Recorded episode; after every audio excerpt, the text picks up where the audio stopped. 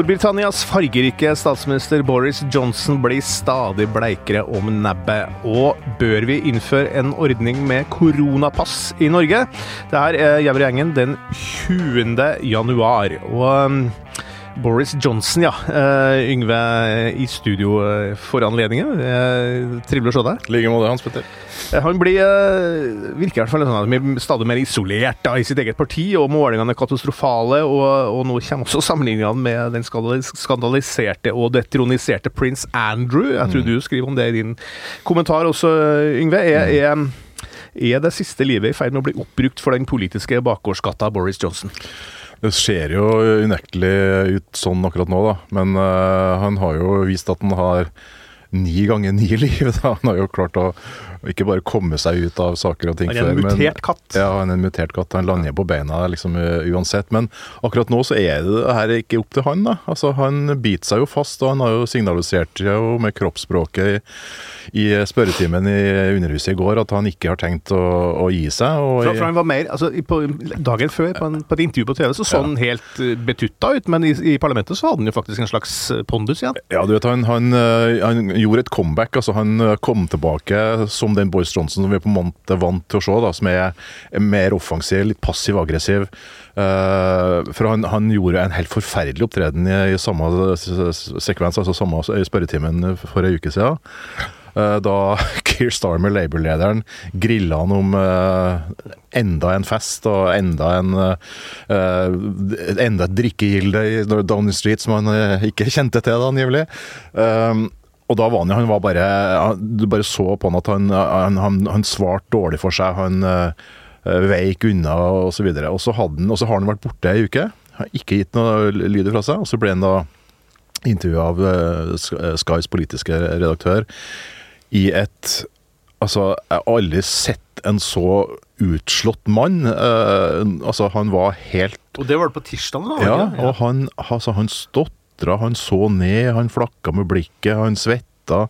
Han uh, var på gråten. altså, han, altså Boris Johnson, En av, en av karakteristikkene med Boris Johnson er jo at han, han viser jo knapt følelser. ikke sant? Og Det er jo noe av problemet hans, at han uh, nærmest mangler empati. da. Men han eh, hadde i hvert fall empati med seg sjøl i den situasjonen han, han sto i. Da, så han, da var han veldig veldig utslått. Altså, han syntes nesten synd på henne, for at uh, hun ga seg jo heller ikke. ikke sant, og Bare bora i de, de forferdelig dårlige unnskyldningene han har om at han, at at han uh, ikke skjønte at han var til stede på en fest. ikke sant, og det er jo sånn, sånn, altså Hvis det ser ut som en fest, hvis folk der oppfører seg som de er på fest, og det lukter som fest, da er det sannsynligvis en fest. Men det skjønte ikke Boris Johnson. og det er jo, det er jo som Chris, Chris Darmer sa, det er helt ridiculous men så sier han jo at uh, han vil ikke svare noe mer da før den der rapporten denne undersøkelsen som Sue Gray, denne superbyråkraten, skal komme med. Den skulle egentlig komme i morgen. Men eh, utsatt, sånn. den er utsatt nå enda en uke. Vi som er uh, fra Midt-Norge, Yngve, vi vet når fest er fest. ja. ja.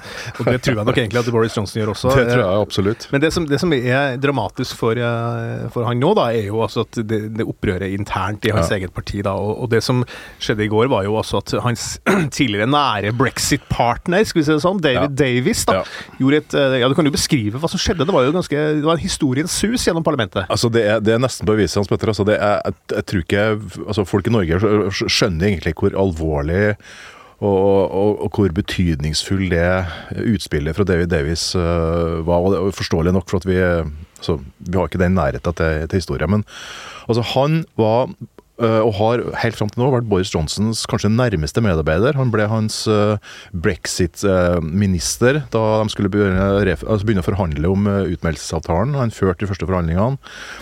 Han har stått eh, Boris Johnson last og brast. Han har forsvart den i tykt og tynt. Han har representert, altså han har vært leder for det, det vi kaller det basen da, mm. Eh, til Boris Johnson.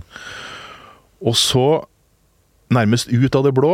Uh, og Et annet bakteppe er jo, er også at lord Frost, da, hans etterfølger som brexit-minister, uh, også har, har, har, gått av litt med samme begrunnelse. Men så, så, altså det, var, det, var, helt ut av det blå. altså Han reiste seg på slutten av spørretimen. Og så heller han et, jeg vil si et langt og ganske følelsesmessig sterkt eh, innlegg.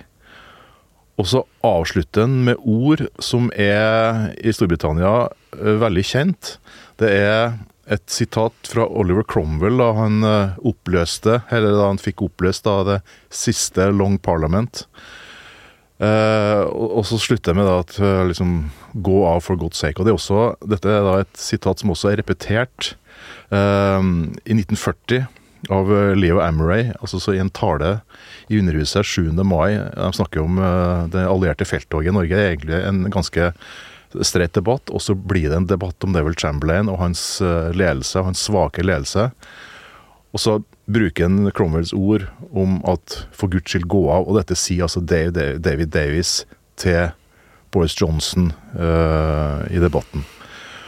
Og det er altså Det ligger lag på lag her med undertekst og historie, og du så jo Boris Johnson, han ble helt satt ut. For det, det var på en måte et, et angrep som ingen så komme. Altså det var, Ja. Jeg merka litt på min Twitter-feed også fra, fra Storbritannia. Ja, folk var helt sånn What? Ja, ja, ja nei, det, var- det, var, det, var, helt utrolig, altså. Og, og klart Kommentariatet og, og britisk media, media hengte seg jo på det ganske umiddelbart, for at det er Ja, det var, det var rett og slett et øh, øh, et, et viktig historisk øyeblikk altså, i, i, parlamentet der. Eh, han, eh, da, da Boris Johnson eh, ble statsminister i eh, Storbritannia, så skrev en eh, norsk eh, redaktør i en venstreradikal avis i Norge eh, at eh, Boris Johnson kan bli en av de mest betydelige statsministrene i Storbritannia etter andre verdenskrig.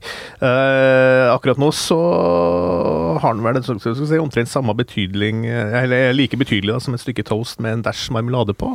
Eh, vil Boris Johnson eh, gå inn i historien som en av de store?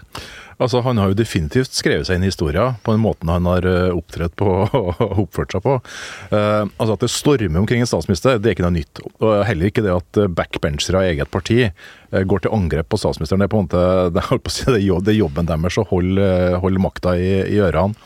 Det som er spesielt med den situasjonen som vi har vært nå, og det som vi har sett nå i, i, i Storbritannia, det er jo at alle de skandalene i partiet, alle de uh, sakene som får uh, partiet stilt i et dårlig lys Du har jo hatt dette med slis, altså snusk, som har kommet opp igjen, som var en sånn svær greie på, på, på 90-tallet. Da var det jo stort sett knytta opp til uh, parlamentarikere som hadde utenomekteskapelige affærer. Men så saken er at alle de sakene som har kommet opp nå, de er knytta til Boris Johnson. Altså Alle sammen er knytta helt spesifikt til Boris Johnson som person. Og også måten han har håndtert ting på, f.eks. den Owen Patterson-saken. Eh, en fyr som, var- som var- ble beskyldt for korrupsjon, og hvordan han, Boris Johnson plutselig gikk inn og prøvde å endre loven for å få kompisen sin av hekta. Altså, normalt sett så ville jo den saken ha gått over i løpet av 30 dager. Han ville blitt suspendert og så han kommet tilbake igjen. Men måten at han intervenerte på, gjorde saken mye mye verre. Og det har det også vært hele veien med de eh, partysakene. Hvor, hvordan, måten han har takla på, har gjort en sak som har gått an å håndtere, gjort det mye, mye verre. Og det Men- ja. Men det er jo litt av grunnen til at altså du, er eller ikke du da, vi, vi er både jeg og du, for så vidt er jo helt, eh, vi er jo i overkant interessert i Storbritannia, men, Ja. men, altså, men det er jo litt spesielt at, at vi sitter og diskuterer en britisk statsminister så mye som vi også gjør da. Ja. Og det har jo noe med personligheten Boris Johnson å gjøre. Han er jo en, han er jo en litt sånn, eh, vi, vi snakket om uh, salig Nils Arne Eggen i går. Mm. Altså, vi, vi snakker om sånne, sånne type personligheter som, som er liksom større enn seg selv, og større enn egentlig embetet sitt også. Problemet er nok at han er punkt én, han er eh, mest opptatt av seg sjæl. og punkt to, han er opportunist. Og de to sakene eh, kan jo bli en ganske farlig eh, cocktail. Eh, det er jo sagt om Boris Johnson av hans egne folk som har jobba sammen med i mange år, at han, Boris Johnson har aldri gjort noen ting som ikke eh, tjener Boris Johnson. Men alt, alt koker jo ned til om hvorvidt eh, det, Politikere er jo hvis vi er kynisk på det, så er det de er opptatt av, er å bli gjenvalgt. Ja, ja. Eh, og, det som jo altså det som har skjedd i Storbritannia på meningsmålingene, er jo at at den tilbakegangen som de konservative har hatt på ganske kort tid nå, da, ikke sant? den er nesten ikke skjedd så eh, brutalt og så fort noensinne i britisk politikk. Og de her begynner jo å bli like redde for setene sine. sant? Og da, Ja. Hvis de da ikke lenger tror at Boris Johnson kan vinne valg for dem, så er han jo toast. Ja, og det er det, er det, er det som er da neste steg her nå, at hva skjer uh, altså Hvis den blir sittende f.eks. til lokalvalget i, eh, i mai uh, nå i vår, uh, og alle de Tory-representantene som er på valg der, eh, mister setene sine, altså hva, hva, hva skjer da? Uh, de kan jo også ja, gjøre en ting før de kommer så langt, for at eh, nå er jo meningsmålinga såpass dårlig at at folk ønsker ikke å stemme på det partiet som Boris Johnson er leder for. De er jo da mest tjent med at han ikke lenger er leder for det partiet, i håp om å kunne få tilbake eller å beholde setene sine. da. Mm. Um, det er jo meningsmålinger nå som tyder på at uh, hvis det hadde vært valg i dag, så hadde Torypartiet mista 100 representanter. Og, og deriblant nesten samtlige av de 57 setene som han vant av i såkalt Red Wall, den røde veggen som var det gamle Labour. Mm. Eh, nord, nord ja. mm. og, og, det er klart at, at, eh, dette er folk som selvfølgelig ønsker å bli, å bli gjenvalgt. og Eh, og Boris Johnson han har jo vært en garantist for, eh, for valg. altså Det har vært hans store momentum, det at han er en som kan garantere valgseier. Og det har han jo også visst at han gjør. Men nå er jo ikke det så, så sikkert lenger. Da. Nå er jo tvert imot han har gått ifra, ifra valgvinner til å bli en byrde for partiet. Og hvor lenge kan man eh, tolerere at det, at, at, det vedvarer. Og det er jo the turning point her, selvfølgelig, ja. i Alta. Mm. Uh, det her skjer altså samtidig som uh, det Europa så bør av ny krig, altså i ja. Ukraina. Det er midt i koronakrisa. Eh, det er midt, midt, i mye annet? Og, og sånne, sånne kriser i Storbritannia. Så, da bare helt kort til slutt. Vil Boris Johnson overleve denne runden og bli en politiker som sitter som, eller en statsminister som sitter i flere år, eller altså, hva, hva tror du, eller er han ferdig nå? Nei, Han sitter nok ikke flere år, øh, og er veldig usikker på om han sitter fram til valget. Det som er et tegn på det, er jo at britiske bookmakere nå ikke levner noen sjanse. De sier at han er ute innen 2022. Øh, han stiller ikke til Han er ikke den statsministerkandidaten som, som Torpartiet går inn i valg med. Bookiene pleier å få rett. De snakker med folk. De, de inngår veddemål med folk som har noe å, å, å, miste hvis de ikke står ved innsatsen, i motsetning til, til altså meningsmålinger, hvor folk er litt mer uforpliktende. Bukmakerne gir ikke Boris Johnson en, eh, en, sjanse, og det samme sa de jo egentlig med brexit. og De sa jo noe helt annet enn eh, meningsmålingene, og det viste seg at bookmakerne eh, fikk rett. Jeg vet ikke, altså nest, Etter neste uke så vet vi når den rapporten blir lagt fram, hva som står i den. Vil avgjøre tror jeg, hva om Torjepartiet velger å ta skritt for å, for å kvitte seg med lederen. Veldig spennende. Vi skal veldig følge spennende. med veldig nøye her i VG og her i Gjever-gjengen. Og så skal vi snakke om korona igjen, da. Eh, fordi Astrid Mæland oppe på hjemmekontoret sitt, eh, oppe i eh, midtens rike der nå, er nå, er vi jo liksom, som vi snakka om her forleden på poden, litt i en ny situasjon, helt ny situasjon med omikron og den slags, da. Men likevel så har vi jo fortsatt en diskusjon om koronapass i, uh, i Norge og i alle andre Storbritannia. Alle andre land så har de jo innført koronapass på, på forskjellige og bruker det aktivt i, i bekjempelsen av pandemien. I Norge er det der uhyre kontroversielt. Og, og hva mener du, Astrid? Du som er en av journalistene som har fulgt koronakrisa tettest og nærmest. Er det på tide å innføre koronapass, eller er det for seint å innføre koronapass i Norge? Uh, du, Hans Petter, jeg tror kanskje det er litt sent. Uh, grunnen til at vi diskuterte i dag, var vel egentlig at Erna Solberg var ute i VG, avbilda sammen med partifeller på pub, satt og drakk pub, øl på Eilifs i Oslo. Og så sa hun det at det presser seg fram en debatt om de uvaksinerte. Og hun, hun spor om vi skal ta mer hensyn til de uvaksinerte enn til det store flertallet av oss som er eh, vaksinert og som vil leve normalt, og nevnt 17. mai, Norway Cup og alle mulige sånne store arrangement som kommer framover, som hun vil ha åpna med koronapass eller vaksinepass. For de fleste som blir innlagt nå og havner på intensiven sånn, er uvaksinerte gjerne, da, og andre grupper, sårbare grupper for så vidt. men koronapassdiskusjonen har liksom Det har ikke helt tatt av i Norge. Det er, det er ikke sånn at du det er ikke sånn at vi har eh, Mens andre land har vært veldig frampå, så, så har vi holdt igjen og holdt igjen og holdt igjen, og myndighetene er veldig usikre på om det her er riktig veien å gå.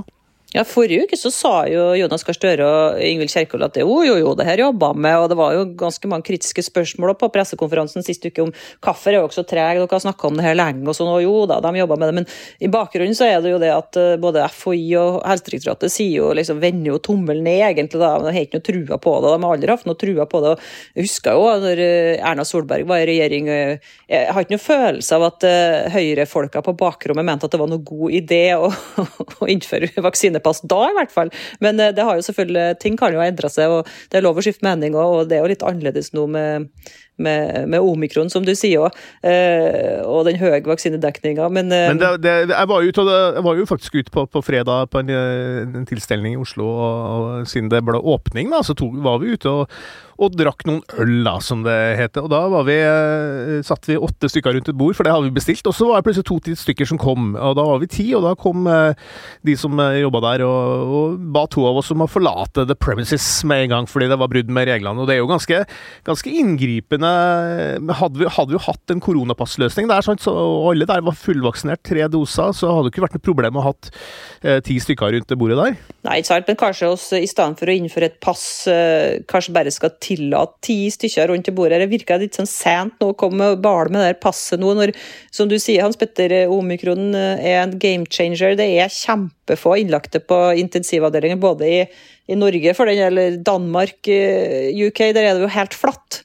Uh, og hvordan det blir framover i Norge, kan jo hende at vi får en økning, men på sykehuset i Norge i dag så er det jo rolig. Og akkurat nå så er det jo faktisk flere innlagte som er vaksinert enn det uvaksinerte. De tipper akkurat 50 eh, andelen eh, som er vaksinert nå, men det er selvfølgelig en stor stor overrepresentasjon av uvaksinerte. Da. Det jo egentlig ganske små tall vi snakka om, jeg vet ikke om det var 40-50 uvaksinerte. Eh, og det er jo ikke noe som tipper burde tippe i hvert fall ikke sykehuskapasiteten i Norge, det. Så i stedet for å begynne å bale nå på slutten, eh, forhåpentligvis på slutten av, eh, av, pandemien med å innføre koronapass, så er det noe likere å åpne opp mer og, og, åpne opp for alle. Jeg tror egentlig at eh, de som er gamle, og som er fullvaksinert, og som har underliggende sykdom, har høyere Eh, risiko for å havne på sykehus enn eh, unge uvaksinerte. Og nå er det jo ca. 300 000 som er uvaksinert, og jeg tror det var 99 000 over 45 år som man kan se her en risiko for innleggelse. Altså det er jo ganske små tall, og sikkert noe som sykehussektoren burde takle, tenker jeg. Ja, og så er jo ikke, det er jo ikke nødvendigvis sykehussektoren som er det viktigste. Du skriver også eh, begrunnelsen for å fortsatt ha tiltak. Det, er jo, det er jo, som du skriver også, Astrid, at det handler jo også om at ikke mange folk blir syke, altså veldig, veldig mange blir syke samtidig. sånn at sykefraværet blir, blir, også veldig stort i sånne vitale eh, samfunns, eller deler av samfunnet som er veldig vitale. da, Skoler, sykehus, hvor som helst. Eh, sånn at det er, jo, det er, det er jo også en ting at det er jo veldig dumt hvis veldig veldig, veldig mange blir syke samtidig. Ja, da, for å se, I Norge så går det jo bra. Uten at det, uten at det er farlig? Bra akkurat nå, men, eh, men, i Sverige så er det jo skikkelig krise nå. Eh, smitten går opp som en flaggstang, og det er stengte skoler og barnehager. og Eh, I kommunene så, de, så får ikke de testa folk engang, for de har ikke folk på arbeid, og folk er syke. Så det er klart det kan eh, være et problem når det blir for mange smitta samtidig, da. Det var jo det egentlig de grudde seg til. Eh, myndighetene da det kom, viruset i 2020. Det viste jo koronakommisjonen sine intervju at Finansdepartementet satt og regna på hvordan skal vi klare holde vareproduksjon opp når eh, kanskje 40% blir syke på noen uker. Men sånn ble det jo ikke. Det var jo så strenge tiltak, så det var jo ikke Folkehelse har jo aldri vært bedre. Hva er utviklinga, eller hva er neste trekk i koronabekjempelsen, eller hva man skal kalle det, koronaens historie i Norge nå? Går det mot mer åpning, og når eventuelt skjer det? Det tror jeg absolutt gjør. Jeg her på Anette Trettebergstuen, kulturministeren, i går snakka om eh, den demonstrasjonen som var utafor Stortinget. Hun, sa, hun, har jo fått korona nå, da, men hun sa før hun ble sykemeldt at det, de jobba intenst med å prøve å avvikle flere tiltak i kultursektoren. Det er jo særlig ja, Nationaltheatret og andre eh, kulturarrangører som ikke får lov til å ha mer av 200, som er helt eh, døden for dem. selvfølgelig. De kan ikke åpne store forestillinger med så få folk. Eh, det hørtes ut som hun har noen planer på trappene der for å avvikle, eller for å åpne opp mer. Da. Det høres veldig veldig bra ut, og da gleder jeg meg veldig til at du, du kommer ned til Oslo Oslo, så skal vi gå ut og feire at eh, samfunnet nærmer seg kanskje i hvert fall eh, mer en normal situasjon igjen. Med 100 av våre beste venner. Nært og tett. det blir veldig bra. Du, eh, det var fin, fin veldig hyggelig podkast i dag. Astrid Veland er hjemme fra hjemmekontoret sitt. Det er i studio Yngve Kvistad. Mitt navn er Hans Petter Sjøli. Og vår produsent, som i hvert fall aldri kommer til å gå av, det er Magne Antonsen. Og da høres vi igjen i morgen.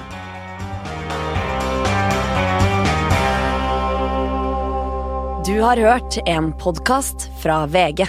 Ansvarlig redaktør, Gard Steiro.